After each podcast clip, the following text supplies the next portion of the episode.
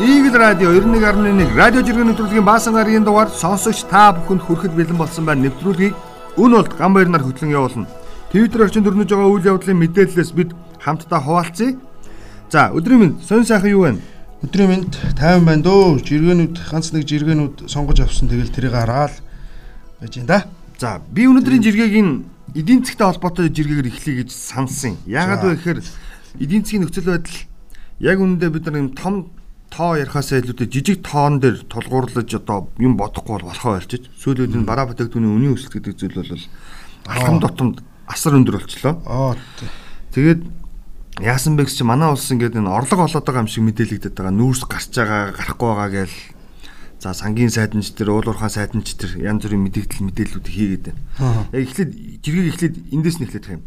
Том тооноос нь эхлэнэ. Батсангэл нөө энержи ресурсыг нөхрөөдөг штэ. Эдийн засаг бас мундаг залуу гэдэг тийм. Яаж юу нөхөр нөхөр олон улсад гарч байгаа энэ логистик тээвэртэй холбоотой асуудлаар за бизнес вик гэдэг энэ мэдээлэл гардагыг мэдээлэлээс аваад тэгээд өөрөө жиргсэн ба. Цар тахлын нөхцөл байдал за дэлхийд даяараа тээвэр логистик асуудалтай нүүр тулсан байна. Контейнер тээврийн өртөг 2019 оныхтой харьцуулахад 10 дахин өсөжээ гэдэг. Энэ ганцхан Монголд нүүрлээд байгаа биш. Дэлхийн нийтээр ер нь бол энэ контейнер тээврийн логистик тээврийн асуудал маш хүндрэлтэй болчихлоо гэдэг зүйлийг онцолж байгаа. Тэгээд энэ логистик тээвэр гэдэг маань Монголд бол үндсэндээ 100% хамааралтай асуудал. Өөрөөр хэлбэл бид үндсэн бараа бүтээгдэхүүнийхаа за 80%-ийг нь импортоор авдаг. Тэгдэг. Иннээс үүдэлтэйгээр маад бол бараа бүтээгдэхүүн үнийн өсөлт гэдэг зүйл бас бий болоод байна гэдэг зүйлийг онцлох гэдэг. Яагаад вэ гэхээр анх цар тахал гараад дигдээд за нэг 6 сарын дараанаас эхлээд одоо л нэг жил 8 сар болж байна тийм үү.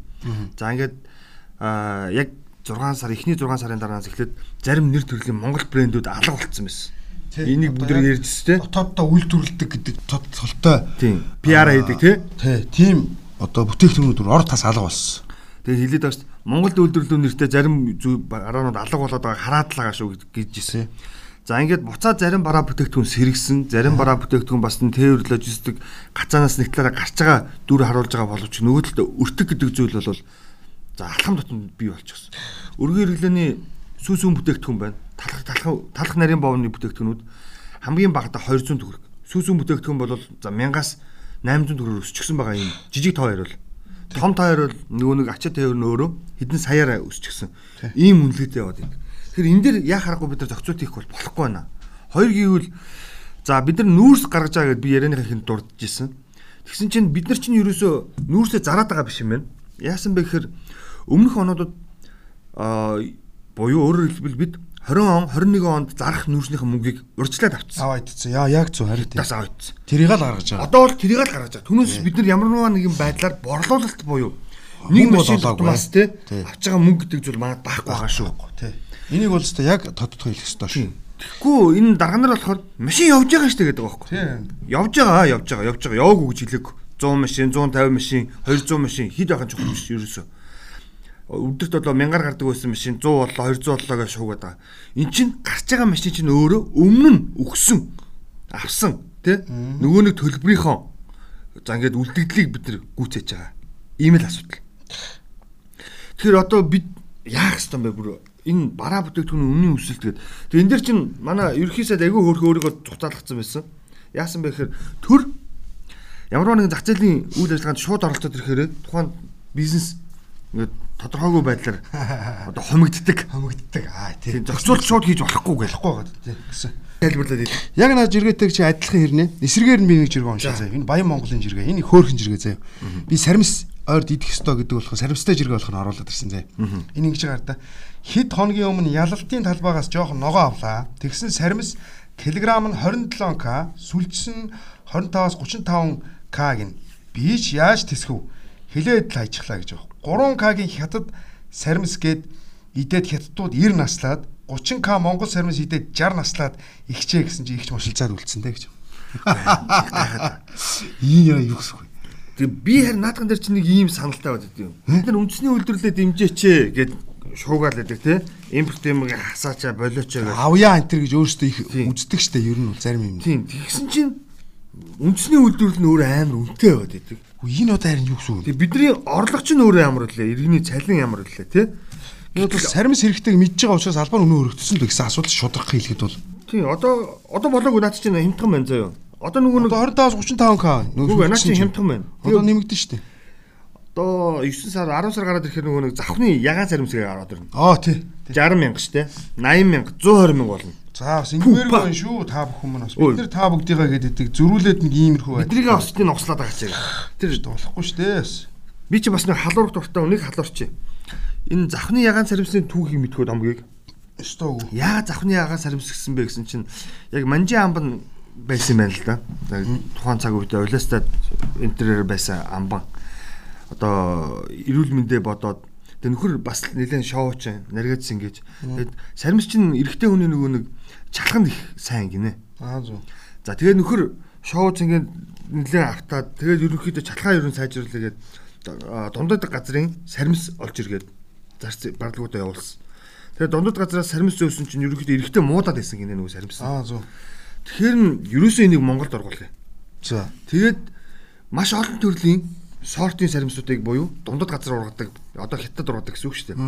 Энэ саримснуудыг нөхрөдүүд ингээд тарж үзүүлээд ургуулад тэгсэн чинь завхан буюу улаастаа чинь өөрөө их юм онцлог байгалийн ирс тэрс уур амьсгалтай өндөрлөг сэрүүн газар. Тест центргээ тест жүлд гэсэн утгатай. Тий, аа, тааш тий. Тэгэл ийм ийм газар тэгээд тэнцээ тэгсэн чинь нөгөө нөгөө саримс нь ургаагүй юм бэл ерөөс. Дундад газраас тавьчихсан саримснууд. За тэгээд нөгөө хөвсөл гарсан. Амбан ч хөөгдсөн, нутаг бутсан. А тэгсэн чинь нөгөө нөхдүүдийн тарьжсэн саримснууд ингээ ирлээцчихэд тэгээд нөгөө завхны өрсөнд тисжүүлдээд ингээд ургасан байгаа. За. Маш бага хэмжээтэй газар. Тэгээд тэр нь тэгсэн чинь нөгөө ургасан чинь яг та нүг дотор газараас буюу дундад газараас ирсэн саримс нь өөр нь чанар сайтай нэгт. Хоёрт болохоор Монголын орчинд ингэж бүрэлдэхэж нэг хэдэн жил болно шүү дээ мэдээж хэрэг. Тэгээ ингээд өөрийнх нь биеийг болоод одоо ховсцсон гэсэн үг шүү дээ нэгсэндээ. Мутацд ороод ховсгдаад ингээд бүр мундаг чанарын саримс гараад ирчихсэн. Гэдэм байл шүү. Тэгээ алдартай. Тэгээ алдартай сайн чанарын гэдэг болцсон юм билээ. Саримс. Завхны ягаан саримс гэдэг чинь тийм агуулгатай юм билээ. За хоёул бас нэг жиргээ хараадах шиг байна тий. Тийм ган зэргийн Ган зэргийн жиргээ. Тий. Нөхөрд юу гэсэн бэ гэхээр дэлхий дээр 180 мөнгө байдаг аа. Энд төгрөг, доллар, евро гэд бүгд орно. Уул нь 210 хэдэн улс орн байдаг тийм ээ. Гэхдээ эднээс доллар 7 тэрбум хүнд хаанч чөлөөтэй хөвөрдөг. Зарим валют нь баг улсдаа ч үнэгүй байдаг. За жишээлбэл Африкийн орнууд тийм А, үү. яг. Энэ 180 бүгд өөрөөр хэлбэл 180 мөнгөнд дэвсгэрдүү ч Тий. дээ. Төв банк нь баталгаатай. Тэгэхээр 7000 дижитал баталгаагүй койноос хідэн хүлэн чирэгдэх вэ? За нэг иймэрхүү. За чи юу гэж бодож байна энэ дээр? Энэ дээр бол чиний бодлыг ихлэ сонсъё. Энэ ингэсэн л дээ энэ coin гэдэг ярихаар миний найз заа юу. За би нэрийг хэлээд явах. Маа найз энэ крипто валют гэдэг юм их сонирхдаг хүн ер нь. Аа тэгсэн чинь саяхан өчигдөр байна уу да орж өдөр надтай ярьсан чинь өөрийнхөө coin-ыг гаргаж байгаа. Одоо coin-ийнхаа зөвшөөрлийг олон улсаас авцсан. Одоо Монгол банкнаас авна. Чи юу яриад байна гэв тэгэлээ. Тэгсэн чинь болдсон юм байна гэж тэгж байна. За. А тэр Монгол банкнаас аавна гэдэгтэй биш л дээ. Энэ нөгөө нэг энд байгаа нөгөө ард санхүүг нэг гэдэг юм. Эднэр дээрээ л хүлэн зөвшөөрөгдөж байгаа. Зөвшөөрүүлж байгаа асуудал баг. Би тэгж бол бодсон. А тэгээ би нэг зүйлийг хэлсэн л дээ. За яах вэ? Чи бол яг хөө эхнээс нь ингээд оролцсон бас нэг юм хом сонсдог хүний хувьд бол бас гадралж иж магадгүй. Чи мандаа наатах ямар зорилгоор хэлэв гэдгсэн чи. А чи coin сонирхгүй мүү гэсэн. Тэгэхээр би never гэж хэлсэн. Тэгэл би тэр яриад дууссан. Тийм харин би хэлээд бас койноор яг юу бодлож авах вэ? Та гараад ямарваа нэг тэр хатуу валют болгож чадахгүй. Тэр доллар болгохгүй, евро болгож чадахгүй. Тэг coin бол хөөс гэдгийг бол хэлээл байгаа шүү дээ. Энэ угаасаа нөгөө манай Монголын санхүүгийн бас тэнэг тэнэг хүмүүс байгаа ч гэсэн бас тий- бас учиртай хэлээд байгаа шүү дээ. Энэ бол тэгтээ хүрслээ. биш. Иннээс илүү одоо яаж хэлэх юм бахар та?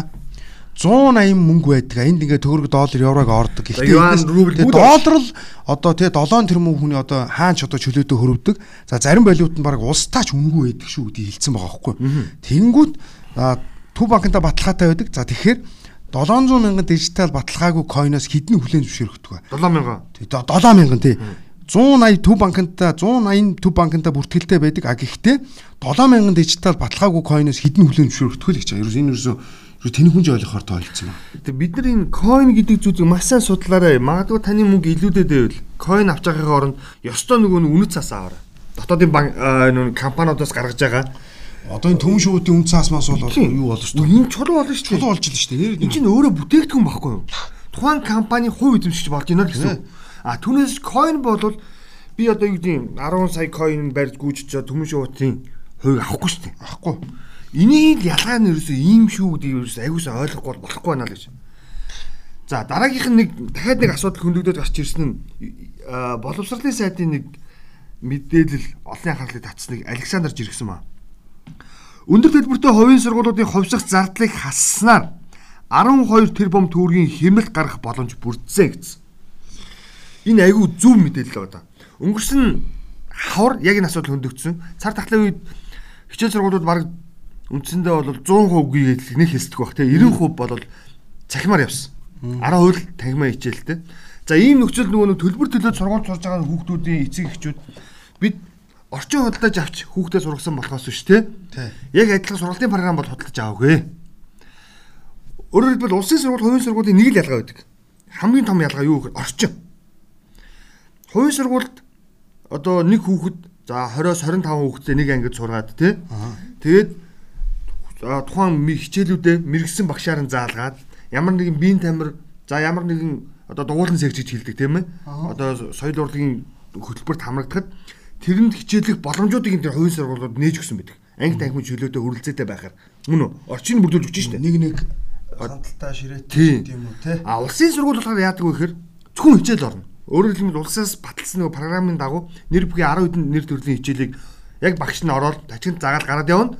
Тэгээд бусад одоо тухайн хөвгт өөрийнхөө хөгжүүлэх юмнууд руу болохоор дандаа хичээлээс гадуур дугуулan сургуулаас гадуур орчинд очих. Аа очино. Ийм л ялгаа багт. Тэгэхээр эцэг эхчүүдийн тавьж байгаа шаардлага зүг байгаа байхгүй. Тийм нөхцөлд бид нар төлбөрөө өөрөөр хэлбэл багасгуулмаар байна. Тийм ээ? Хөнгөлөлмөр өнө гэдэг шаардлага тавьсан хувийн сургуулиуд бол never гэдэг чинийх шиг хариултыг хэлсэн. Хизээч үгүй. А тэгвэл боловсролын хариу арга хэмжээ авахын тулд эхний ээлжиндээ 10 саяас дээш төлбөртэй хувийн хөвчлийн сургуулиудын хувьсах зардлыг олохгүй байя гэдэг. За тэрэнд нь бол 8 сургууль ордог юм бэл. Яг одоо төсөл 8 гэж үү? Тийм, аль биесний тоогоор 8. Ягаад вэ гэхээр хувийн сургуулиуд олон боловч ихэнх нь 8, 7, 6, 9 9.9 мөс болгоо ачаа. Аа, тийм төлбөртэй болчихдог.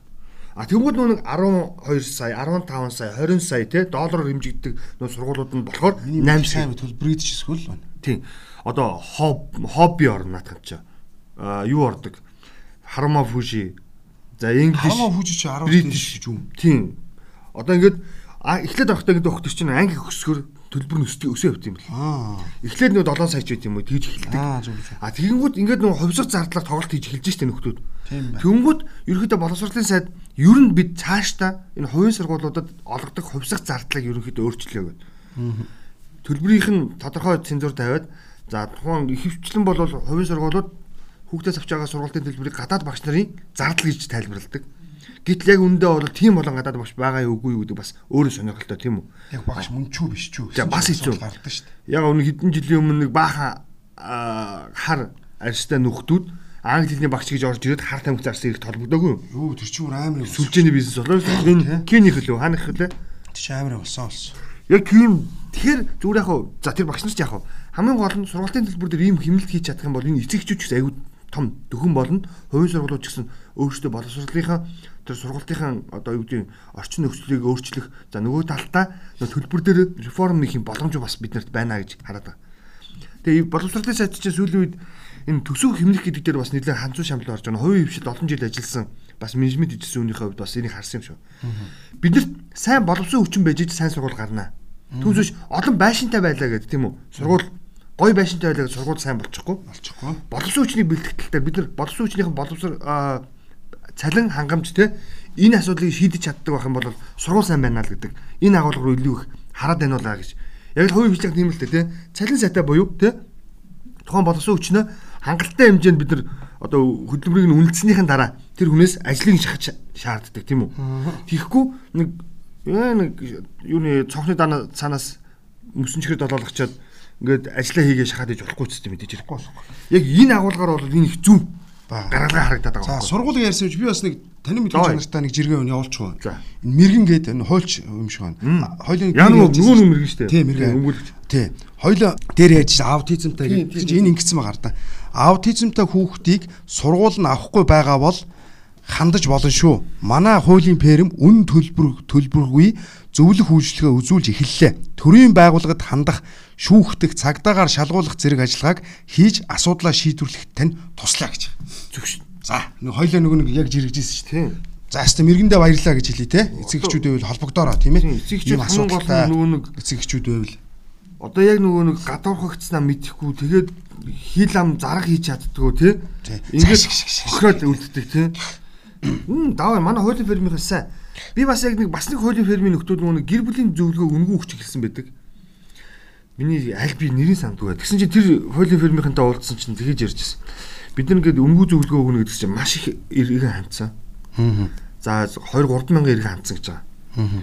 За тэгсэн аа биш худлаа ярьж байна. Аа 2 3 мянган эргэн хандсан. Тэдгээрээс 500 гэр бүлийн маргаантай хэрэг үүсгэж байгаа. Аа зөв зөв зөв. Тэгсэн чинь гэр бүлийн маргаантай хэргийн бараг 90% нь.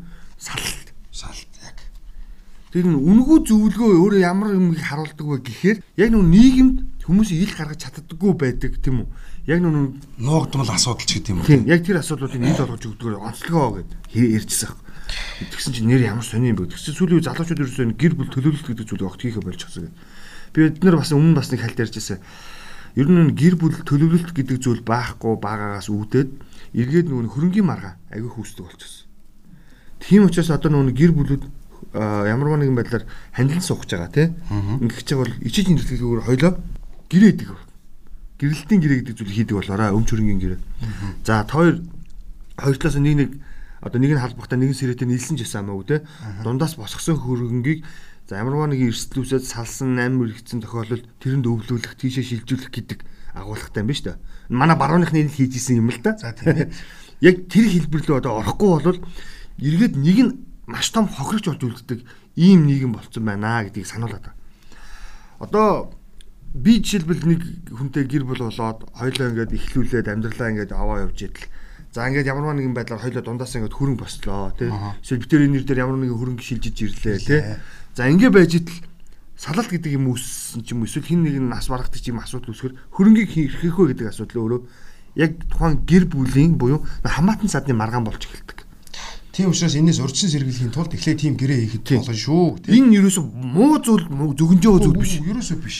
Ирээдүйд үүсч болох эрсдлээс Маргаанаас л сэргийлж байгаа. Энэ алхам шүү гэдэг талаас нараараа гэж. За. За чамд жиргээ над бол нэг жиргээ байна. За чи яв яв дараа нь би би чи яг хөнгөн жиргээ. Гэхдээ хэлчихвэ санагдаад. хиллэлтэй харин. Нэг л хоёлаа худалдаа наймаа гэж хэлсэн юм шиг тий. Ингэсэн л да энэ Батболдгийн хаягнаас П гэд 3 цаг тавьсан байгаа заа. Аа тий. Хоньны сүүл хоньноосоо үнэтэй болж гэж. Энийг 1 кг нь 35 мянга. Том сүүл 5-аас 6 кг байдаг гэж байгаа байхгүй. 1 кг нь 35 мянга. За тэгэхээр 6 кг-ыг 35-аар үржүүлэхээр 210 к болж 210 мянга болж байгаа. 6 кг хоньны сүүлийг 1 кг нь а, 35 гэхээр болж байгаа. Тэг хүргэлт нь 5 к гэж. Тэг нийлээд 215 к-гаар нэг сүүл авах гинэ. Наад жирэгчтэй алсан алсан. Энэ алсан тий.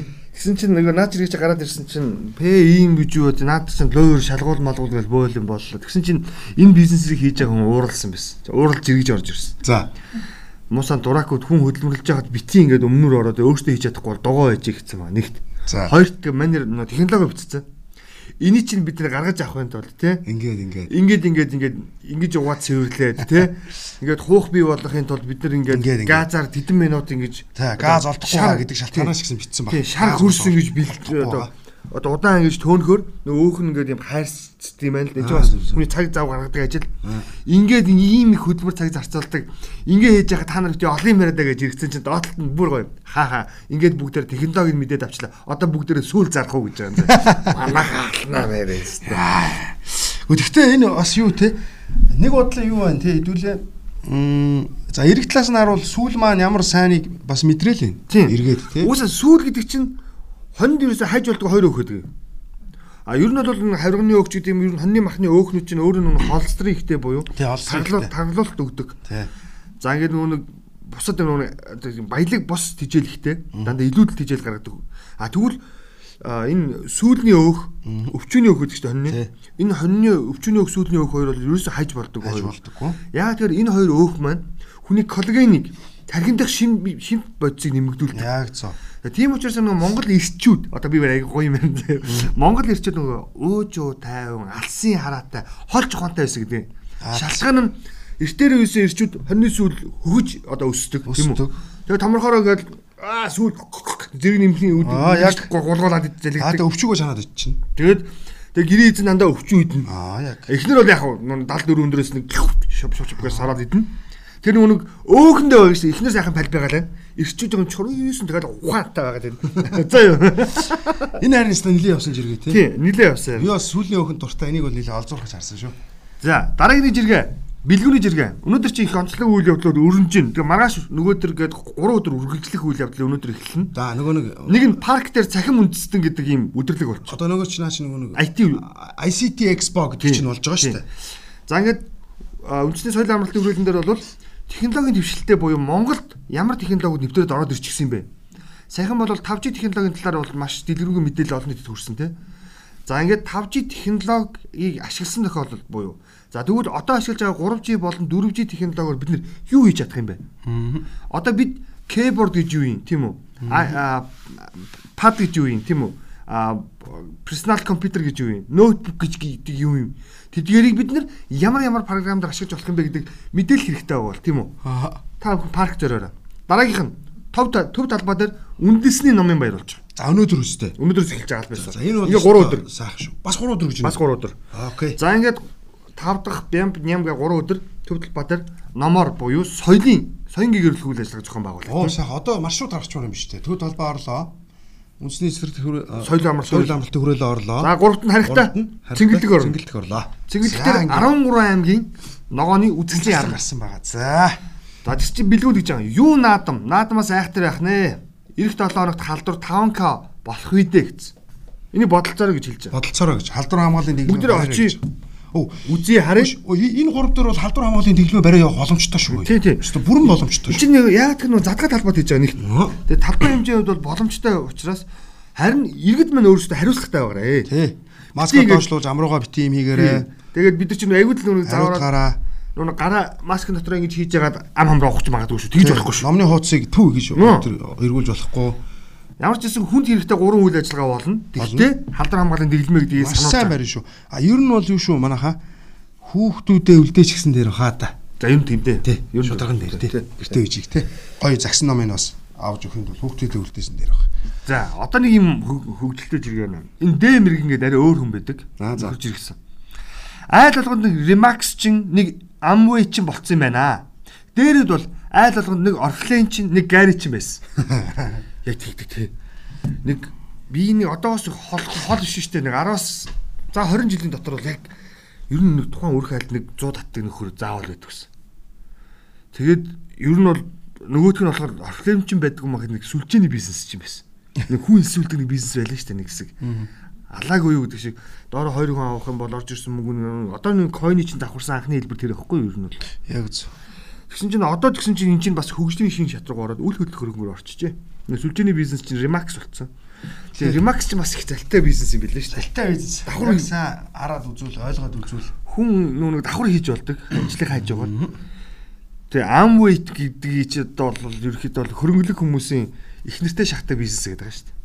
Тий яг энэ яг юу их нь та бүгдийн одоо бол эрхийн асуудал. Гэхдээ ер нь болгоомж илүүдэхгүй шүү л гэж энийг бас чирэг хэлж байгаа юм тий.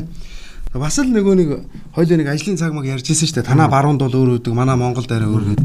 Энэ хартаа энэ хэдхэн цагийн өмнө жиргсэн жиргээ авахгүй юу? MS June гээд. За. Иймэр бодитойгоор хэлсэн хартаа. Ажил тараад 6:30 гээд яаран ирэв. Өөдөөс худалдагч нар нь дэлгүүрүүдэд тасгаагаад яаран явцгаав. Худалдаа үйлчлэхний байгууллагууд офисын цагаар ажилтгийг ойлгохгүй байсаар насыг барав. Мишель Экспогийн зурагтай. За ингэмээргүй шүү хартаа. Надад чинь эртэр хоёлоо би чамд Болмоор байна. Энийг одоо болооч тий. Одоо зарим дэлгүүр угаасаа ингэх хэрэгтэй. Болооч тий энийг. Одоо зарим дэлгүүр орой дөрөөс ч юм уу те 5-аас онгоогоод одоо 20 юу гэдэг за 17 цагт за боли 16 цагт онгооё. Тийм үү? Тэгээд 22 цагт 22 цаг таяа. асуудал алга. Автобус 23 зогсон цаг зогсон үстэй. Тэг чи хүн ажиллаж байгаа юм чи бас нэг харих нэг шаардлага гарна шүү дээ. Нэг ийм зохицуулт. Үгүй ядаж тэр компани за магадгүй тэг тэг цагт хааж болно шүү дээ. Тэнгүүтээ ажилчдаа хүргээд өгдөг те маршрутын унаатай. Ингээд зохион байгуулалт чи. Тэгэх юм бол таны бизнес ёо хүн орж ирсэнгүү гэж өдөр бүгд ажилтаа гамж яаж танаа л рүү орох юм бэ? Тийм шүү дээ. Тэрний оронд тарах цагаар нь сайхан өө манай хонгож байгаа шүү гэж байвал арай өөр байхгүй. Залуу шүү да. Одоо юу яа энийг. Ялангуяа нэг бизнес эрхлэгчтэй бас уриалах гэдэг. Зүгээр л ажлын цагийн өөртөө өөр. А зарим дэлгүүрүүд бол өглөө бүр 6 цагт онгоо. Тэ? Энийг заавал төрийн зогсуултгүй өөрсдөө ярих өөрсдөө хий. Өө яг тэгээд нүн төрийн зохицуултгүйгээр яг одоо л тэгжлэхээр айгүй хэцүү болчиход байна. Цар тахал гэдэг юмны чинь нэг улбар шаард төвшин хэрэгжээд байгаа. Ийм нөхцөлд бол нэг онцгой нөхцөл байдал бол төр нөгөө цагийн хуваарлалд өөрөө оролцоод байгаа. А ийм бусад тохиолдол бол бид нар зохицоод ярилцаад өглөө Өө, 6 цагт онгоосон дэлгүүр гэхдээ анаач өглөө хэдий донгохын заагаагүй шүү дээ. Тэр өглөө эрт донгоод Тийм л тардаг. Нөгөө нь өдөр онгоод арай өдөөс хоорондоо тардаг гэж болно шүү дээ. тийм шүү дээ. Өглөө 6 цагт онгоосон дэлгүүр өдөр 15 цагт хаач шүү дээ. Болно шүү дээ. Болно. Энэ чинь нэг хөдөлмөрийн хууль мөл зөрчөөд байх юм баг. Нөгөөх нь 14 цагаас эхлээд ажиллаж болж байгаа. Тийм зүгээр л нэг тийм маркетинг маркетинг. За, поч жиргсэн. Хаавал дүүргийн 20 дугаар хороонд байршилтай арь ширний үйлдвэрүүдийн үнэр ажилчид за орчмын өрхүүдэд ямар ч сөрөг нөлөө үзүүлж байгаа талаар бодлогын судалгааг хийж байгаа багтаа уулзаад иргэлээ. Энэ хороонд 15 үйлдвэр байдаг нэг нь ч нүүлгэн шилжүүлээгүй. Би энийг яагаад чирээд ирсэн бэ гэсэн чинь хотын дарга мөнх баяр байх үеэс мөнх баяр гэдэг одоо Бэлэг үлүү Беларусь руу нэг элчин сайдаар явж байгаа нөхөр байгаа дээ. За. Хотын дарга мөнх баяр гэдэг нөхөр байсан. Ерөнхий менежерээр ажиллаж байгаа хотын даргаар томилогдсон Ховд аймгийн гаралтай. За дүү нь бол Монголын үндэсний олон нийтийн радио телевизийн мэдээний албаны хөтлөгч цоглоо намжил гэж хүн байдаг. За ийм нөхдүүд байдаг. Тэгсэн чи энэ хүмүүс бид үр ягаад ингэж онцолж хэлээд байна гэхээр мөнх хоёроо хотын дарга байхдаа би санд юм. Хаан ол дөрөвдөд бүх арш ширний болон иймэрхүү юм жоохон тийм технологийн үйл ажиллагаа шаарддаг үйлдвэрүүдийг хотоос гаргах шийдвэр гаргачихсан. За түүнээс хэдэн жил болов? Бараг 15 6 жил болчихлоо. Аа. Тэгээд энэ шийдвэр хэрэгжихгүй ингээд үхмэл. Тэгэд одоо яаж ийм ихэр нөхөрдүүд одоо нар ширний үйлдвэрүүд нөгөө нэг э, үнэр танараа яаж дарж ийм ихэр амар тийм хүчлэлэг буюу өөрөөр хэлэх юм бол хорт ихтэй бодис ашиглаад байгаа. Хими бац ашиглаж байна л гэсэн үг шүү дээ. Үнэр дарж шүү дээ. Тэгэд Уруулд оруулаад харьгаа гэдэг цэвэрлэх байгууламж байсныг нь буулгасан. Гэхдээ харьгаа нүгөөгүй гол нь. Зүгээр харьгаагийн лаг асгадаг байсан талбаануудыг нь барилгын компаниуд худалдаад авчихсан. Тэг хөрсөндөө ийм мөнхийн газар очиж байшин бариад л хүмүүс зараад байгаа шүү дээ. нь бол. Тэгэд манай гаргадаг Төлөөлөл асуудал гаргадаг шийдвэрүүд хизээ хэрэгжих вэ гэдгийг эндээс асуугаад. Дараагийнх нь саруулхан энэ их гоё жиргээ баасан гарах зориулсан жиргээ шүү. Улс орны том том асуудлуудад санаа зовоод нойр хүрэхгүй байна. Архинаас авдаг онцгой албан татвар тасалдчихвээ. Зочид буудал аялал жуулчлал амралтын газар салбар маань үйлчлүүлэгчгүй болчихвээ. Би л хичээхгүй бол өөрхөн хичээх үлээ. Ингиж утсаар сэтгэлээ чилээх юм да гэж. Тэг бас хэцүү те. Одоо бид уухгүй бол бид бааранд орохгүй бол бид буудалд очихгүй бол энэ салбарууд маань давпарчгүй гэдэг бодлыг бол их олон хүн бас өвсөж байгаа. Чи дөө. Тэгээ бас аль алдлаа бас алдчихгүй хүн шиг тий. Тэгээ одоо гайгүйхан шиг үнтэй арх аваад уухгүй уухгүй бол нэр хүнд минь сэвтчихгүй энэ төргээл одоо наач араас ороод ирж шүү Тэгээ их уух юм бол бас гэр бүл алдчихна. дээ. Чин тэгээ бас. Одоо яах вэ? Яах вэ? Өстө усын хожрын тунгаас юм тогцоолт хийж авахгүй бол бидэнд бас ер нь асуудал байна Асуудал байна гэж. шүү. За дараагийн жиргээ Лаура хүү охин хоёрын айл нэгэн заяа. Суух хүнээ надад танилцуулах юм бол шууд л ходоодтойгоо эхлээд нөхөрлөнөө. Найдалж нөхөрлөө дотносоод хэр төлөвссөн хүмүүс гэдгийг нь мэдэж байж хүүхдээ өг хэсгээ шийднэ. Эцэг их нь гэдэг ер нь чухал байдаг шүү гэсэн. Энэ аяг гоё байгаа тийм. Бодгол бодол те. Би ч бас яг энэ жиргэг уншичаад ер нь бид нар тэгмээр байна. Тэгэхгүй бол одоо түрүүн хэлжсэн гэр бүл саллалтын дийлийнх нь ерөөсөө яг хүнээ таниагүй хүмүүс болдог. Ингээ хараад үнэхээр гоё залуу. Оо nice те сайхан залуу. Тэгээд яг үнэндээ бол миний эргэн тойрон ч гэсэн байдаг. Хид хідэн гэр бүл одоо хо- хоёр хүн амьдрах гэдэг аав ээж нь тэр хоёрт амьдраад байдаг хөөхгүй. Одоо цуг амьдрахыг хэлээгүй л юм да. Бүх үйл хөдлөлт нь оролцдог. Асуудалд нь ажлын сонгодог. бол яв цуглуулж өгдөг ч гэдэм. Үгүй ийм эцэгчүүд аягүй олон болчихсон хамгийн зовлонтой. Яг энэ үү шүү дээ. Энэ бол өстой бүр маш их байгаа шүү. Аягүй буруу байхгүй юу? Тэгээд эн чинь нөгөө нэг зовлон юм да нөгөө нэг бас нөгөө амьдралын Хүүхдэл үр харам гэж. амьдралын бэрхшээл дайраад. байдлаас үүдээд нэггээс хоёрхан хүүхэдтэй болцсон нөгөө 90-ад онд. Тэгээд тэд нар надад хүнтэй суугаад эхэлдэг. Хи- хин ч үгүй болцсон бэлээ гэдэг өөрөө гүүж очиж хоолыг хийж өгөөд өөрөө гүүж очиж гэрийн цэвэрлж өгөөд өөрөө гүүж очиж авгаа юм уу эсвэл нөхөртэй ярилцсаар хагаад асуудалт нь хит утгалтаад ингээд нөгөө хүүхдүүдэд амьдруулах боломжгүй тий ийм асуудал үүсгээд байдаг хөөхгүй. Тийм учраас зүгээр яг эцэг эхчүүд ирээдүйн эцэг эхчүүдэд бас зөвлөх гэдэг. Тэр хоёр хүний амьдрал болж өгвөл бити оролцоорой. Тий? Тэр хоёр өөр өөрсдөө хараад сонгоод амьдрах гад ирцэн байгаа юм чинь та дундуур нь бити ороо. Оролцмоор бол ходуудтайгаа жоох ойр вэ гэж. Өө. Эхлээд оролцож шүү дээ. Тэгээ ходоодтойгоо танилцчих юм бол эргээд нүү ирээдүйд очиж болох эрсдэлс зайлсхийх хийнэ л гэж. За найруулагч маань болсон гэж дохио өгч явах шүү. Болчихж байгаа юм уу? Тий, болсон байна. яас их юм ярьж. За за. Нэвтрүүлгийн цагийн үрээд өндөрлөж байгаа юм байна. Бидэнтэй хамт байж санал бодлоо хуваалцдаг олон сонсогч та бүхэндээ баярлалаа. Ирэх амралтын өдрүүд их сайхан дулаахан болно. Ингээд амралтын өдрөө гэр бүлтэйгээ ая тухтай сайхан өнгөрүүлээрэ. Шинэ 7 хоног шинэ мэдээлэлтэйгээр иргэн үү. За. За баяр та.